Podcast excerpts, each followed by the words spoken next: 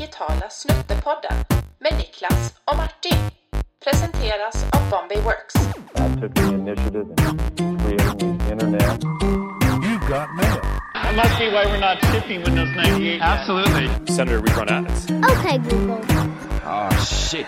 Here we go again. Great, beautiful, awesome, beautiful. Välkomna till digitala Snuttepodden, det är jag som är Martin. Det är jag som är Niklas. Och jag som är Sara. Välkommen Sara Davidsson, inte känd från tv utan känd från rekryteringsbranschen. Ja, Vice vd och operativ chef på Performic. yes, stämmer bra. Kan inte du berätta lite vad Performic är för någonting? Jo, men Performic är precis som du var inne på ett bemanning och rekryteringsbolag. Eh, Vi jobbar med personer som har en idrottsbakgrund. Vi fokuserar på idrottens egenskaper och det betyder inte nödvändigtvis att de som jobbar med oss är, är elitidrottare, men man har någonting från idrotten som man har med sig och man har, som man sen har kunnat växla ut på i näringslivet. Superspännande. Vi brukar börja med fem snabba frågor. Jag vet att du har en fråga Niklas. Eh, ja, jag har en fråga. Eh, varför är du asgrym på LinkedIn? För du är ju jätteduktig på dina Är jag LinkedIn-poster. asgrym på LinkedIn? Ja, det tyckte för- jag var jätteroligt att höra. Ja. Eh, Jag är ju oerhört självkritisk, så att Jaha. så långt har jag inte kommit själv. Nej. Men, men låt säga så här, jag jobbar ju ganska ambitiöst med att bli bättre Mm. på LinkedIn. Ehm, Så att, och, och de gångerna jag faktiskt har, har lyckats med någonting och det har Mm. flugit något inlägg, då tror jag att det är att jag eh, vågar blanda det personliga med det professionella. Mm. När jag gör det på ett bra sätt, det, är då det verkar som Ja. att människor gillar det jag gör. Just det. Och då gäller det att våga göra det också då, ja. Och våga Ja. vara lite lagom personlig och så. Ja, alltså i det, jag vet ju att många brottas lite med Mm. det, hur personlig vill jag vara, vill jag gå mot det privata överhuvudtaget. Där är jag nog ganska modig. Mm. Jag vågar det. Må- Många Ja, gnäller ju okej. över att LinkedIn håller på att bli Facebook. Samtidigt så ser man ju att de som är mer som på Facebook, de får ju bättre effekt. Ja. Det finnas Ja, det är ju en balansgång där förstås. Men okej, så det är Mm. det, att det är en liten mix av professionellt och eh, lite personligt. Och Jag då- tror det. Jag tror, fast jag tycker du säger en intressant sak där Mats, att det håller på att bli som ett Facebook, för det har jag faktiskt reflekterat lite över själv. Jag kan ju kanske hålla med om det. Och jag tycker nog att det är viktigt att hålla den här professionaliteten i det här forumet ändå. Ja. Det tycker jag. Så att, men, men det är inte omöjligt att göra det med, med en stark personlig touch, tror jag. Nej. Jag ska bara säga en sak här och det är ju att, eh, eh, för jag tycker det är jätteroligt, för Martin blev så glad, för du trodde ju att han var Mats, eller hur? Men just det, när jag kom in. Och nu så sa du Mats till honom. Sa Och jag hon Mats? Och, och jag, och jag Det tror att hörde det är inte jag. ganska nice, för jag tror att som du, Martin sa då att, eh, men eh, det tar jag som en komplimang, för Mats är en liten snygging, tycker vi då. Ja, Eller, det är nice. du är ju också snygg Martin, eller hur? Eh, Så snäll behöver jag inte vara Så den. Jag ihopblandningen tycker jag är bra. Mm. Jag var ju på ett möte med vår största kund när vi skulle skriva kontrakt och sånt och sen så fick jag ta med min medgrundare Jonas. Och sen i efterhand så pratade jag med min kontaktperson där på kunden och det var någon han sa så här, ett, berätta för någon annan, ja men, eh, eh, nej men det var Niklas och sen så var det också en snygg kille.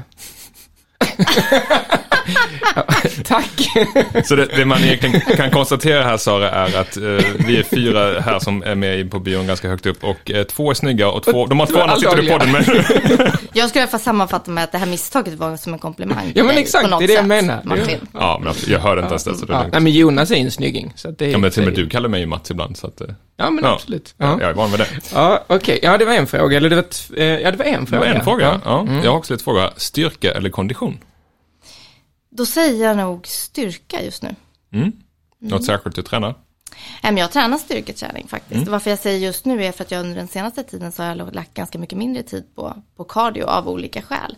Sen beror det på hur man definierar cardio. Jag går ut med min hund två gånger om Mm. Ja, ja, dagen. det, det är också en form av cardio. Ja, Lågintensivt. Men, men jag försöker styrketräna. Jag har nog, det har nog liksom landat i mig hur viktigt det är, även om jag har hållit på med det i Mm. många år. Så. Skivstång, crossfit? Inte crossfit, eh, så, men eh, blandad maskinträning och funktionell träning. Så jag försöker variera mig. Det funkar bra Härligt. för mig. Va- När du var eh, liten, vilken sport höll du på med då? Eller vilken sport ville du bli bäst på då? Jag spelade fotboll. Och du ville, ville ha en fotbollskarriär eller? Um, en fotbollskarriär, jag vet inte om jag tänkte Nej. så långt. Jag har Nej. faktiskt fått den här frågan förut. Hur, Okej. vad jag hade för målsättning med fotbollen. Ja. Jag vet inte om jag hade mer målsättning att liksom vinna varje, varje serie. Eller Ja. först varje match. Ja. Liksom. Jag var nog ganska kortsiktig. Men att vinna, helt enkelt. Ehm, ja, Ja. vet, det är nog mer det som har varit min. Men spelar du, eh, var du anfallare då? eller? Mittfältare. Mittfältare, oftast. bäst position faktiskt. Jag har koll på läget. Ja. Grym position. Den får både vara offensiv och Mm. Eller defensiv. Jag gillar det. Tvåvägsspelare hade ett. Där tog du bort en av mina frågor, för jag Ja. tänkte fråga fotboll eller hockey, men då blir det fotboll såklart. Ja, det blir fotboll, absolut. Uh, anställd efter personlighet eller färdighet? Mm, en kombination av de båda helst. Ja, det tycker jag. Det verkar ju väl vettigt. Spännande. Eh, Jag har en kvar här. Eh, Vad är det bästa du köpt för under tusenlappen det senaste året? Det brukar folk tycka är lite svårt att svara på. Mm. Det är en svår fråga. Nu var det ju så att jag hörde den här frågan i podden med Vilma. och jag tänkte att den här får jag säkert. Så jag har ett svar på det. Ja. Det är kanske lite annorlunda svar, men det är ett par riktigt bra svarta tights. Mhm. Eftersom jag har bytt jeansen mot tights sen i mars. Eh, och det kan man göra när man jobbar mycket hemma. Nu tillåter ju det här nya lounge-modet det, Just det. Eh, lite överlag. Eh, jag har ju på mig det idag till exempel, Aha. det funkar. Eh, men det, det var en riktigt bra investering och de var, låg där någonstans, under Ja. 1000 kronor. Mm. Perfekt. Perfekt. Jaha, och idag så ska vi prata om ja, saker som du jobbar med och som jag tycker att vi också jobbar med. För att eh, du letar ju talanger och duktigt folk för att eh, hjälpa andra företag att växa. Och vi letar ju duktigt folk för att kunna växa. Precis. Och vi letar ju lite mer nischat kanske, men du har också en nisch på något sätt i att ni har ert, er profil och tittar på just idrottens eh, egenskaper och ser hur man kan ha nytta av dem in i arbetslivet. Och vår nisch är att vi letar efter folk som kan det digitala och sådär. Så, och det tycker jag känns känns som en spännande diskussion att fundera på hur hittar man rätt talang och absolut det här med färdighet och, och, och eh, egenskaper på ett personligt plan. Mm. Hur ska man resonera där kring, eh, kring just den balansen? För jag har en känsla ibland av att man i dag, dagens samhälle så är så inriktad på eh, social kompetens och så vidare. Och sen så är det det som gör att man kommer innanför dörren och sen så visar det sig att man inte är någon vidare på att leverera. Nej men precis, det är ju, alltså, kompetensbaserad rekrytering, det är ju ett sånt där begrepp som, som det, de flesta professionella rekryteringsbolag jobbar ju med det idag.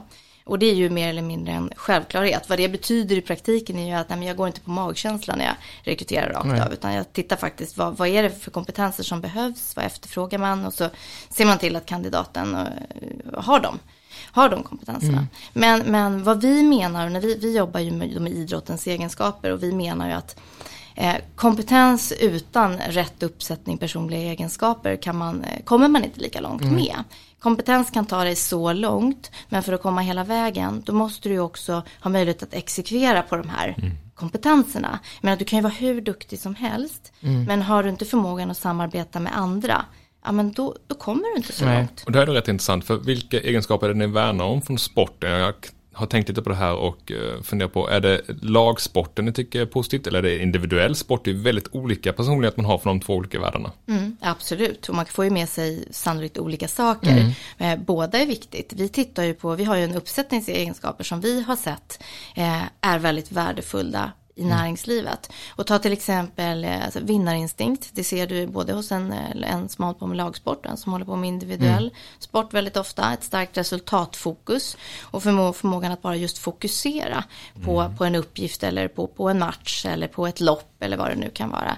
Eh, vi ser ju också sådana saker som ledarskap. Många som sysslar med idrott i någon form, i olika former, eh, utvecklar ofta förmågan att leda andra väldigt tidigt. Inom gymnastiken så får man börja jobba som hjälptränare. Man kan vara 13-14 år när man börjar med det. Så att eh, man kan hitta många värdefulla egenskaper i många olika typer av idrotter. Det för mig nästan till min nästa fråga om jag ställer det lite grann mot väggen. Eh, finns det någon sport som passar bättre för näringslivet än andra? Någon bakgrund inom någon sport som är lite mer så här, ja men det är extra taggat. Ja men då skulle jag nog tänka att det, det beror på lite vilken roll du rekryterar till. Ja. I så fall. Hur ser, då, då, då tycker jag att som, som, som rekryterande chef eller vad det nu kan vara. Då går man tillbaka och tittar på hur ser laget ut just nu.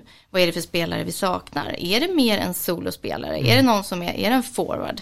Eller är det en defensiv person som är där och, och, och liksom vaktar målet? Det är för att använda lite idrottsmetaforer. Men... För jag, jag kan också tänka, förlåt jag ska släppa in det snart Niklas, känns Nej, som att det, jag håller en jag, jag sitter här. gärna och lyssnar här, det är underbart. Jag Ja. tyckte det, var, det här var så spännande. Jag satt och funderade på just det här lagsport kontra individuell sport också. Att eh, de som har haft en lång karriär, nu, nu rekryterar ni även folk på hobbybasis som inte Ja, är elitidrottare. definitivt. Men folk som har haft en elitkarriär, eh, framförallt allt inom lagsport, så är de ju vana vid en viss eh, kontext, de är vana vid ett lag som de är en del av. Så att den skillnaden mellan att vara i den karriären och sen sluta är lite mer brutal än att man är liksom individuell spelare. Kan Ni, eh, stämmer det? Ja, nej men det där. Omställningen är svårare. Det, det du säger nu tror jag är jätteviktigt. Det upplever många som kommer från en professionell idrottskarriär. Att det är ganska svårt med omställningen till näringslivet. Och där vill vi gärna vara med och hjälpa till. Vi har ju ett etablerat samarbete med SOK, Sveriges Olympiska Kommitté. Där vi hjälper eh, OS-idrottare vidare när det blir dags att liksom avsluta idrottskarriären och gå in i en ny karriär. Mm. Och, och, det vill ju vi gärna göra. Vi vill ju gärna utnyttja den möjligheten som finns i de här, i de här eh, idrottarna. Eftersom vi vet att de sitter ju på en, en rad eh, egenskaper och kompetenser som, som näringslivet verkligen behöver. Ja, för det verkar ju som att man kan behöva hjälp. Om man är på den nivån och sen så eh, liksom släpper eh, stjärnglansen lite och strålkastarna och så. Det- Det var ju högaktuellt nu med eh, invasionen av Kapitolium. Läste ni det om eh, OS-medaljören Mm, i simning? ja. Som var en av dem som eh, tog sig in och ställde till, så att säga. Och då var det ju så, ja men varför gjorde han det då? Det kan ju i och för sig bara bero på att han tror på något och så. Men han hade ju verkligen haft det tufft efteråt och han hade blivit eh, arbetslös och frun hade lämnat honom och gud vet vad. Och han hade bott i någon trailer och så vidare och sen så, ja, Men man är haft nog det van, kämpigt, liksom, Ja. van med väldigt mycket konstant positiv feedback. Ja, alltså man får så mycket tror det. bekräftelse hela tiden i, i idrotten om man har en framgångsrik idrottskarriär. Och samma typ av bekräftelse, får, den tar ju slut från en dag till en annan Ja. när du lägger av. Ja.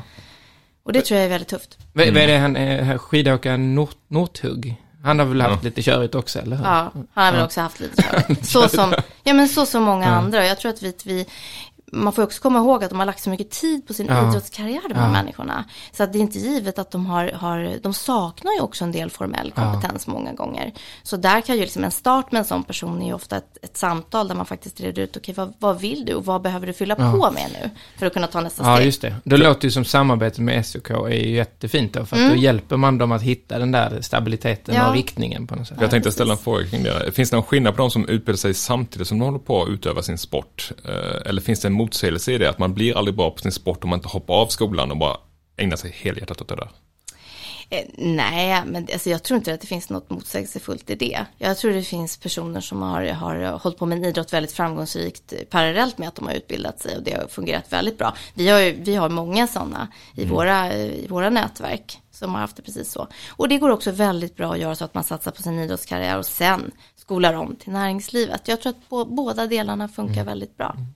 Jag försökte tänka på elitidrottare som hade haft en framgångsrik karriär efter sporten. Och fundera på vilken sport kommer folk ifrån som är duktiga? Jag hamnar i tennis. Jaha, tennis. har de varit bra sen? Ja, men man hör inte så mycket misslyckade stories från folk som har spelat tennis. Som sett som andra sporter. Man känner att det- tennis är en grej. Tennis, så man ska in ungarna på tennis och då är liksom allting fine and dandy. Nu tittar lite konstigt på mig här, men jag tror tennis är en lite magisk eh, Ja. sport. Det är klart, den gamla tennisen var ju väldigt, eh, eh, vad ska man säga, eh, fel ord att säga, gentlemannamässig, det är ett töntigt ord, men den var alltså, eh, vad, vad handlar om, alltså man ska, eh, gud, vad heter det? När man liksom, eh, sportsmanship Sports- eller vad det nu kallas. mannaskap. Och sådär. Det Ja, sportsmannaskap eller vad det nu Ja, precis, så det skulle vara tyst på läktaren och man skulle säga. Och där, eh, Mats Wilander är ju det talande exemplet som eh, jag berättade om för några gånger, något, några veckor sedan. När jag läste en artikel blev jag så fascinerad, när han, som typ så här, om det var 17 eller 18-åring, eh, gjorde världens eh, eh, vandring genom en så här open, Rankingen, jag tror fr- franska öppna eller vad det var. Och sen så höll han på att vinna den här, vad heter Jag har ju inte, jag är ingen sportkille ska jag säga, så jag har inte, vad heter det Ja, här? vad var det, eh, Wimbledon eller? Ja, men det var Wimbledon, det När han ville Franska göra öppna. om där. Det Exakt! Och sen i Ja. semifinalen har han en matchboll och sen så vinner han den och sen, nej, nej, nej, Mm. den var inne så att jag vill spela om bollen. Alla bara, va? Det är ball. Det är Ja, ett men- grymt exempel Eller hur? faktiskt. Ja, men kolla på tennis. Då har Stefan Edberg gått jättebra för honom. Björn Borg, han slutar tidigt, gått bra. Mats Wilander går jättebra för honom. Ja, Tennis är grejen då. Ja, så kollar du på fotboll så här. Thomas Brolin, mm, dammsugarmunstycken. Nej, men, Liksom, ja okej. Han hade ju, vad hette det stället? Man Undici. gick och fest, Undici. exakt. Ja, Ja, vi var det på inte- Undici någonting eller? Nej, Nej, nej det var ingen miss. faktiskt inte. Nej, men jag missade jag ingenting. Nej, ingenting. Ja, alltså nu så står man ju inför eh, massa ny kompetens som behövs in i näringslivet. Pratar man ju om, om eh, liksom eh, den nya industrin 4.0 som växer fram, vilket för övrigt är lite fånigt kan jag tycka, men den är ju definierad ändå på något sätt att industriella revolutionen, steg 4.0 som handlar om AI och Internet of Things och så vidare. Och då har man ett, eh, enormt eh, kompetensbehov eh, upplevs det som. Eh, inte minst inom programmering. Vi jobbar ju med programmering, vi jobbar ju med mycket annat också. Men inom programmering just att eh, det saknas här i Sverige 30-40 000 utvecklare och i EU en miljon och sådär. Vad, ehm, där, där finns det ju en omställning som behövs. Inte bara för idrottare utan för också andra som kanske har en annan karriär som sen de växlar över till något annat. Mm. Hur gör man ett sånt skifte från liksom att eh, ha jobbat med någonting så intensivt som idrott eller om det nu är så att man har varit frisörska och är supersmart och kommer in på sån här snabbutbildning och sen ska man göra något helt annat. Och är det det samhället behöver? Och om vi inte gör det kommer vi liksom tappa takt i Sverige då? Ja, börjar du? Nej, alltså jag, jag, jag tror, det, det är som du säger, det finns ett, ett enormt behov nu av att eh, kompetensväxla, men kanske också växa i kompentensen, Ja. jag. Det sitter nog många och funderar på, det är ju vi bland annat internt, har vi, vi har ju kommit fram till att vi behöver höja den, den eh, digitala nivån, så att säga. Alltså IT-kompetensen i vårt det. bolag är lite för låg. Och då, då kan ju vi sätta till ett antal olika utbildningsinsatser för att lösa det. Men, men om vi går tillbaka lite på det här som vi pratade om inledningsvis, nu som vi har pratat lite om kring idrotten, men om vi tittar lite på egenskaperna som jag tycker är så viktiga. Jag tror nämligen att det är en sak att försöka leta på rätt kompetenser, för så ska vi ju jobba till exempel i ert fall när ni rekryterar, då letar ju ni efter vissa spetskompetenser. Det. Det kan ju vara någon som kan knacka kod, det kan vara någon som är duktig på ett visst, eh, en viss, ja, någonting, vad det nu kan vara. Men där ska man ju komma ihåg att den faktiska kunskaper och kompetenser, de blir ju väldigt snabbt omoderna. Ja. Det är därför jag tror det är så viktigt, viktigare än någonsin att kombinera kompetens med rätt uppsättning egenskaper. Eh, hur ska den här personen kunna fungera i just er organisation? Hur ska ni liksom lyckas, lyckas få, få det som är kompetens att bli till ett faktiskt resultat framöver? Så att där, jag tror att det är jätteviktigt att titta på det också och inte bara på faktisk kompetens. Och det går väl tillbaka till som du pratar om här, vilken position man ska ha på bolaget, vad man behöver för, för eh, om man behöver en forward eller en defensiv. Så vi, jag pratar ju också lite om att man har ett schackbräde som inte har de vanliga rutorna, utan det är helt hit och dit och så har man schackpjäser som ser konstiga ut och lite så. Vad är, behöver jag en bonde kombinerat med en löpare nu? Och hur ser den ut egentligen? Och, och så, och då, då är det klart att då, eh, då måste man ju titta på också möjligheten för att eh, kunna ta till sig kunskap. Ja, så att man liksom kan anpassa sig efter det som händer, den förändring som är idag. Ja. Där tror jag ni är rätt ute just i sportvärlden. Jag vet inte om ni känner till Angela Lee Duckworth och hon skrev en bok som heter Grit. Jag vet inte om ni läst den.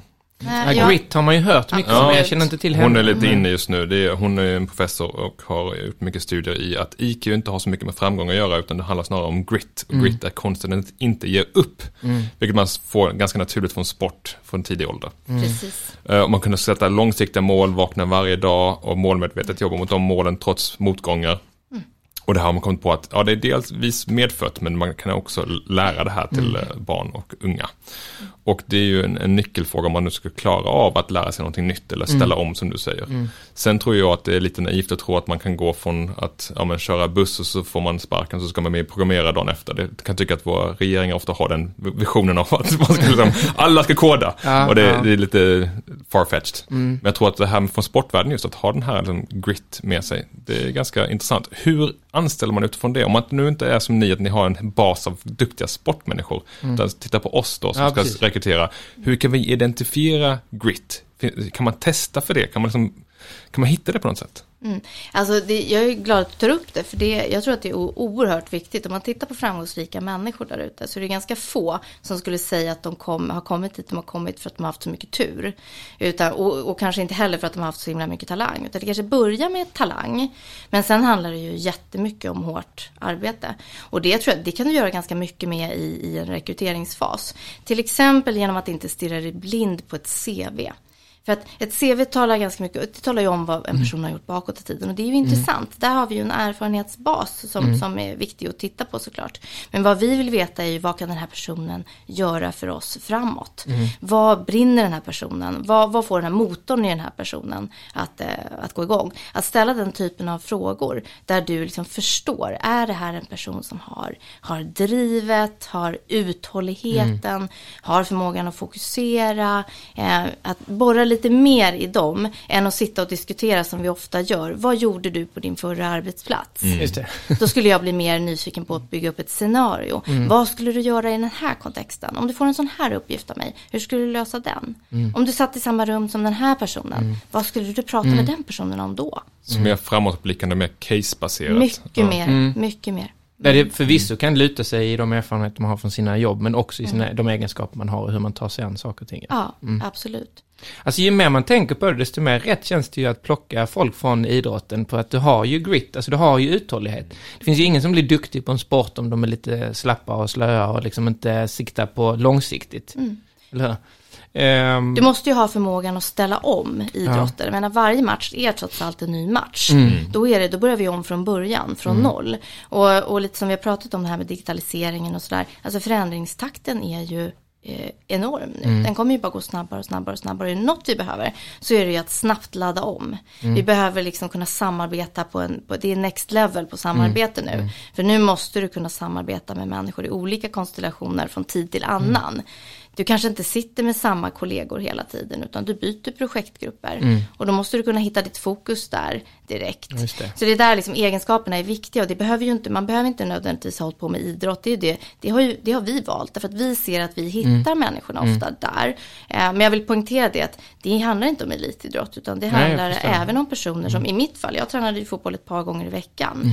Eh, och det känner jag har format mig jättemycket till den, den jag är idag. Det är intressant för det händer väldigt mycket på digital- digitaliseringsfronten inom rekrytering och HR också. Och frågan är om de här verktygen som kommer är up to date med det du säger. Alltså letar man efter grit, letar man efter de här samarbetsegenskaperna och inte. Eh, Det pratas mycket om eh, AI inom rekrytering. Att man hjälper till med urvalet med hjälp av AI. Det finns en svensk startup till exempel som heter Hubert, där jag känner en del som jobbar. eh, Som försöker automatisera detta på stor skala. De eh, matchar semantiskt annonsen och ansökningen så att det är liksom keyword matching klassiskt. Sen kan man svara på frågor via chatt om, om tjänsten, hur föräldraledigheten finns och så vidare. Vad är processen, vad är nästa steg? Och då svarar den automatiskt, ingen mänsklig inblandning. Ehm, och sen så kan man då, de som väljs ut från den här matchningen loggar in, kompletterar sina uppgifter, ställs inför en intervju med en, en robot, en chatbot. Som då ställer olika screeningfrågor som du ska svara på. Eh, till exempel, kan du tänka dig jobba de här tiderna? Det säger att du bor tre timmar från jobbet, kan du tänka dig pendla?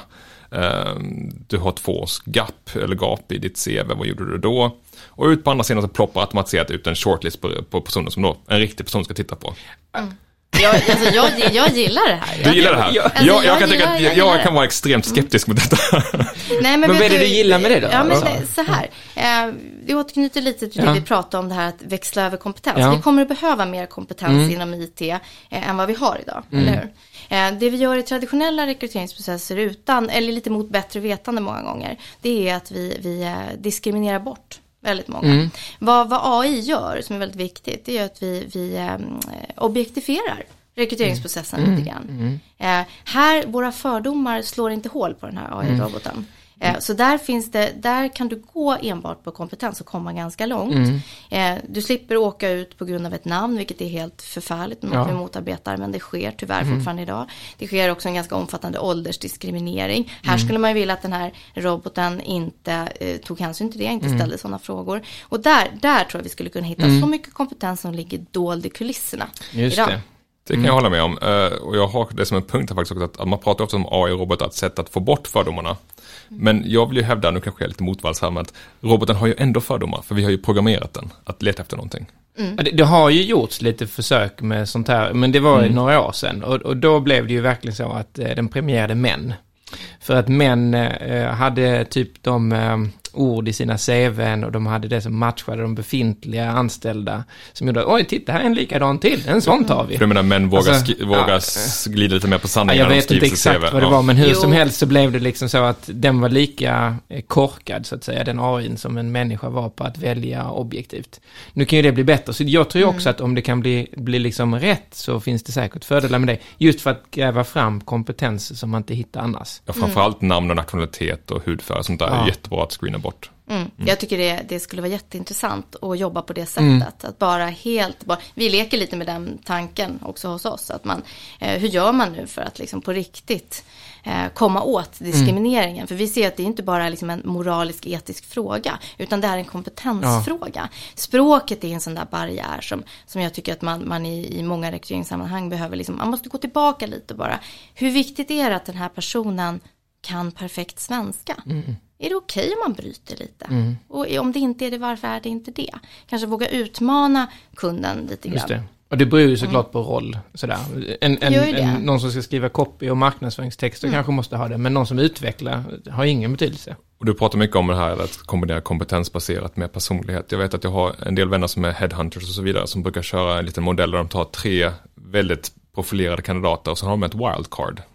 Där wildcardet kan vara liksom, det kan vara någon som inte alls har de här kompetenserna, kommer från en helt annan bakgrund och är typ så här really wacky. Men de slänger in den personen bara för att se vad händer i grytan när de intervjuar den här personen. Ja, det är smart. För antingen så ändrar de sin kompetensprofil och gör en ny, ett nytt urval eller så är det så att de får en helt nytt perspektiv på något sätt. Som du säger, man kan ha någon som bryter kanske eller någonting annat, som har någon annan fantastisk egenskap som man vill profilera. Det tycker jag, jag förstår att, du, att, att, att de jobbar så, för att det tycker jag är en viktig uppgift hos oss som jobbar med rekrytering. Det är att eh, hjälpa kunden att hitta nya perspektiv. För det som, när, när man sitter i ett första möte med en kund och ska sitta med en kravprofil, det är ju, har vi varit duktiga och gjort vårt jobb, då kommer man ju många gånger därifrån med någonting som skiljer sig lite åt mot vad kunden trodde att vi, vi letade efter från början. Ja, och det är väl för att kunden går i gamla vanemönster och så vidare och tycker att så här, Precis. så här har vi alltid gjort och det fungerar. Och det gör det ju inte eftersom allting ändras hela tiden. Precis.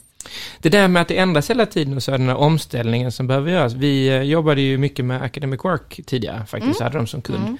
Eh, och sen så växlade de upp kompetensen på sin IT-avdelning så de kunde ta över allt eftersom och sådär. Men vi jobbade i team tillsammans och så. Och de gjorde en del grejer och det var ju typ 2017 tror jag, som jag tyckte var ganska häftigt. Och det var ju att de tog bort namnen i alla ehm, Ansökningar. ansökningar. Mm. Det fanns ingen namn. Just för att de hade upplevt att det blev ehm, inte korrekt och rätt och rättvist. Mm. Snyggt. Ja, det var snyggt ja.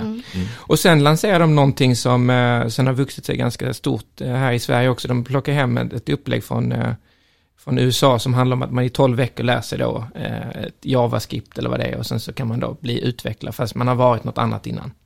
Och så finns det andra som gör likadant, Epicenter Campus gör det. Och då kan man säga så, du var ju lite inne så, ja, men staten tror att vi kan ta en busschaufför och sen så blir en utvecklare dagen efter.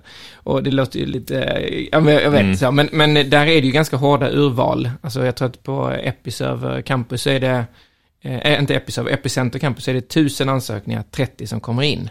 Men då hittar man också 30 stycken som inte alls har en utvecklarbakgrund, som plötsligt blir utvecklare. Det är ju fantastiskt ju. Och det är ju där kombinationen av, eh, av läsa och lära, alltså vara ute i lärande i praktik, i kombination med teori. Just det, ja de får en sån Ja. praktisk Och- aspekt också. tror jag är en jättebra ja, grej. Det motsätter inte jag mig alls. För har du tusen pers och 30 kan bli utvecklade, absolut det tror jag också Ja. på. Men, men de politikerna tror ju att tusen personer kan bli. Ja, de vill. Ja, de, de, hoppas. vill och hoppas. Ja. tummarna. Hoppas, Det hoppas. är där skillnaden ligger tror jag. De har ju dock gjort saker och ting eh, på statlig nivå nu i och med att man har eh, ändrat läroplanen. Så att eh, sen eh, 2018 så är programmering eh, inne i läroplanen även Mm. för lågstadiet. Och det har man ju märkt nu, mina döttrar har ju liksom haft det då och så. Och då pratas det om att det är ju för att eh, bara vänja sig vid den här tanken och bli lite mer teknikvan. Och blir man det så är det mer sannolikt att man kommer in på en teknikutbildning sen. Det är jättebra tycker jag. Ja, det känns så, eller hur? Mm, Som att ja, det det, det, kanske också gör att det inte blir eh, att, så homogent vilka som väljer vilka spår. Utan att man breddar det redan i tidig ålder. Där. Där, fin- Jättebra. där finns också en liten uh, utmanande artikel i Wired. Jag läste den, det var, det var ett tag sedan nu. Det var ett antal år sedan tillbaka. Just, om programmering, att liksom, vi har ett väldigt fokus på att vi ska lära oss programmera. Och då hade det var en intressant kille där som skrev om att eh, mm, det stämmer nog kortsiktigt, men långsiktigt kommer programmering bli ungefär som att eh, bygga hus. Det finns väldigt många som kommer, kommer kunna göra det här. Det är mer arkitektnivån som är den här svåra att lära sig. Mm. Mm. Jag tycker en annan infallsvinkel, det kan vara kul att läsa den om man, inte, om man har en chans och möjlighet. Vad tänker du då, Sara, kring eh, alla de här omställningarna? Hur ska ni anpassa er efter, över tid för att eh, liksom, eh, följa kompetensbehoven och trenden? Vad gör ni aktivt för att vara ajour och ha koll på det?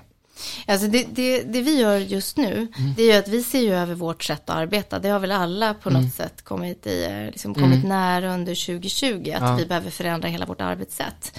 Så att, och, och i det ligger ju att vi, vi driver ju väldigt mycket intervjuer till exempel digitalt. Och därav kommer ju det här att vi behöver höja IT-kompetensen i vårt bolag. Mm, så det gör right. vi internt. Men, men om du, om, om, eh, om man tänker på vad gör vi för att kunna möta kundernas behov av en annan kompetens, av det här lite mer digitala, Mm. så, så är det ju givet att vi är inne och nosar lite grann mot eh, IT-sektionen och ser hur kan vi, kan vi specialisera oss lite mer där. Mm. Ja. Men primärt skulle jag säga att vi ska jobba ännu hårdare med det vi är duktiga på. Det är ju kartlägga egenskaper. Mm. Därför att jag tror ju som vi har pratat om hela podden här nu att, att eh, förmågan att anpassa sig till förändring kommer att vara oerhört viktig. Kompetensen jätteviktig, Mm. den säkrar vi alltid. Men förmågan att anpassa sig till en ny verklighet som, som är liksom i en snabbrörlig värld, det är jätteviktigt. Att kunna fokusera i det här Mm. bruset som finns just nu eh, är också jätteviktigt. Ja. Och Det är väldigt intressant att säga det, för de här personlighetstest och så vidare som finns idag och kan göras digitalt och så vidare. Hur, hur väl fångar de upp de här egenskaperna som ni söker? Det beror ju såklart på vad söker du och vilket test använder du. Men, men jag är en förespråkare av personlighetstester. Och tillbaka igen, det objektifierar processen, mycket hjälper till i urvalet. Eh, och de tester som vi jobbar med, de är, man, man ska inte tänka att personlighetstest som du kan göra online kan fånga upp vem du är. Det är alldeles för stort.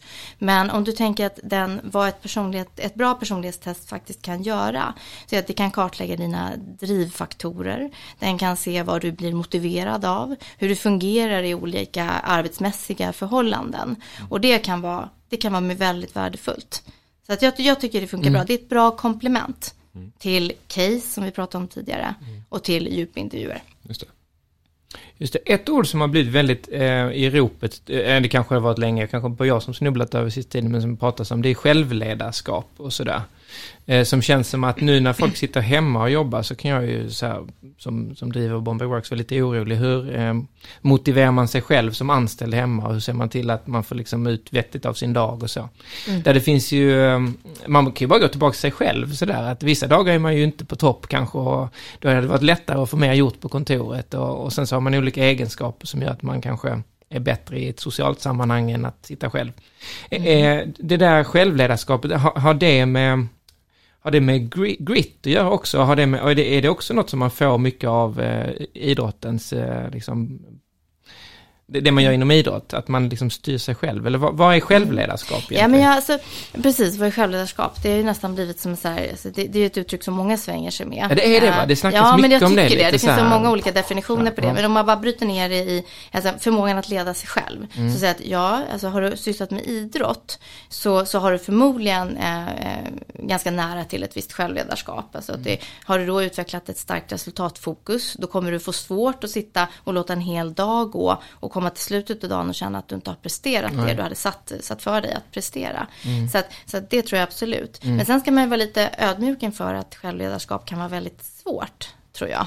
Eh, det, vi fun- många av oss fungerar ju bättre i ett sammanhang. Man får lite draghjälp av andra och när det inte finns, ja då måste man skapa sig en egen struktur för, för dagen och så. Men då finns det ju ett, ett antal tekniker som man kan ta till och, och det finns ju många, många fler än de vi använder. Men vad, vad vi gjorde rätt snabbt på, på Performic när, när pandemin kom och det blev liksom ett faktum att okej, nu måste ju alla gå hem till sig. Och vi har lagt mycket värde i att ses och träffas. Ja, det har vi och- också gjort. Alltså, Det det var oroligt Ja men det är då, kulturen 2020. lite, eller hur? Mm. Alltså det här att komma in, säga tjena på morgonen, ta en kopp kaffe och snacka lite. Det är en naturlig och skön start på dagen. Ja. Vad gör man när det inte finns? Ja, men det, det, vi, det vi förstod ganska tidigt, det var att vi, vi behöver samla gänget. Och vi behöver göra det varje dag. Ja. Så att vi kör in och utcheckningar alltså, med, med våra team. Och då är ju det, incheckningen är ju, hej vad ska du göra idag? Vad är din plan för den här Just dagen? det. Eller vad vill du lyckas med den här dagen? Och när man checkar ut, så ja men hur gick det? Eh, Ja. Var det något som inte funkade eller vad funkade bra? Vad behöver du hjälp med till nästa Det är lite dag? som att få läxan av läraren och sen så kollar Alltså, man den sen på eh, dagen efter. Det, och det funkar ju. Ja, alltså, och lite så. Och även nu när du säger läxa, då Ja tänker men det jag låter på, kanske Nej, lite negativt, vi, men, men å andra sidan, man får någon som lyssnar på vad du gör och bryr sig om att du levererar någonting. Och, precis, alltså det handlar ju om att bry sig om. Det är Ja, det vi exakt. vill signalera. För att slippa vara de här kontrollerande Ja. cheferna. För att, för att det är lite intressant med att det är, det är många undersökningar som visar att eh, medarbetarna har funnit sig hyggligt väl till rätta i många sammanhang i det här Mm. nya arbetslivet. Det kan vara lite, lite skönt att jobba hemma Mm. och de som då klarar av hy- hyggligt att leda sig själva, de kan må ganska bra i det. Medan cheferna mår sämre och sämre. Ja, det. Och det är inte så konstigt, för det är, det är, som chef så är det lätt att jag tappar kontrollen. Mm. Och då blir jag kanske den där som ringer hela tiden och ska kolla hur det går. Och jag blir liksom helt enkelt lite osäker. Jag vet Mm. inte vad jag har. När jag inte ser dem så blir jag osäker på om de jobbar. Och då behöver man ju gå tillbaka till, till sig själv och sitt ledarskap såklart och titta på um, hur, hur, hur, hur, vad har jag för målstyrning. Jag behöver ju styra mycket mer mot mål Ja. så jag kan slippa kontrollera tid till exempel. Men, men p- precis för den där osäkerheten som kan infinna sig hos chefer och så nu, den tror jag också handlar lite om att man vet ju att det är en pressad arbetssituation för folk. Alltså det finns ju en stress i bara att eh, liksom coronasituationen och ekonomin hur den ska gå, så folk är lite på tårna stressade över det och oroliga. Och sen så jobba på ett annat sätt och sitta i de här videomötena. Och som chef kan man ju vara orolig, inte bara för att tappa kontroll, men också känna så här, har jag koll på att Pelle inte blir utbränd? Nej, jag har inte det riktigt. Jag vet inte, för jag ser ju inte personen så som jag gör. Men om någon kommer in på kontoret här på morgonen och liksom går med tunga steg och inte säger knappt hej och så, då vet man att nu är det någonting som behöver ändras på. Det är Mycket, mycket svårare lättare. att snappa upp digitalt tycker jag. Ja, jag håller med dig. Det är en, en jättestor utmaning. Men då är det väl liksom, när man inte har något val, då måste man ju hitta alternativ. Vi har Mm. Ja. inte kunnat Nej. träffas. Och då är det ju som kameran behöver vara på till Ja. exempel. Ja, Det är- exakt. så att du slipper, att människor slipper hamna i det som ofta startar en sån här dålig spiral Mm. av, lite liksom ensamhet, isolering. Men man ska upp och klä på sig på morgonen. Det är bra att sätta på videon det första man gör. För då är du på. Då har du startat din dag liksom. Mm. Ja. Jag tror det är viktigt, det är det vi behöver vara lite om oss och kring Mm. oss med som chefer tror jag. Ja, ja, det finns ju utmaningar. Dels att hitta rätt kompetens framöver, dels så för folk att eh, må bra på jobbet och så. Och sen så nya tider dessutom. Ja. Ja, och det känns som att eh, jättespännande att höra om den här idrottsinriktningen. Mm. Och vad man kan hämta med sig av den i andra sammanhang. För vi har inte den lyxen att vi är så nischade, men vi kan, eh, vi kan lära oss av det. Vi får hitta fler tennisspelare till oss, tänker jag. Jag tror det är tennis som grejen, ja. ja, egentligen är det väl att hitta, kanske mm. titta lite på idrottens egenskaper och se vad, vad behöver ni? Ja. Mm. Och hur kan ni mixa det med den typen av kompetens ni Just behöver, det. såklart. Ja. Sara, stort, stort tack, för att du var med. Tack, jättekul. Ja.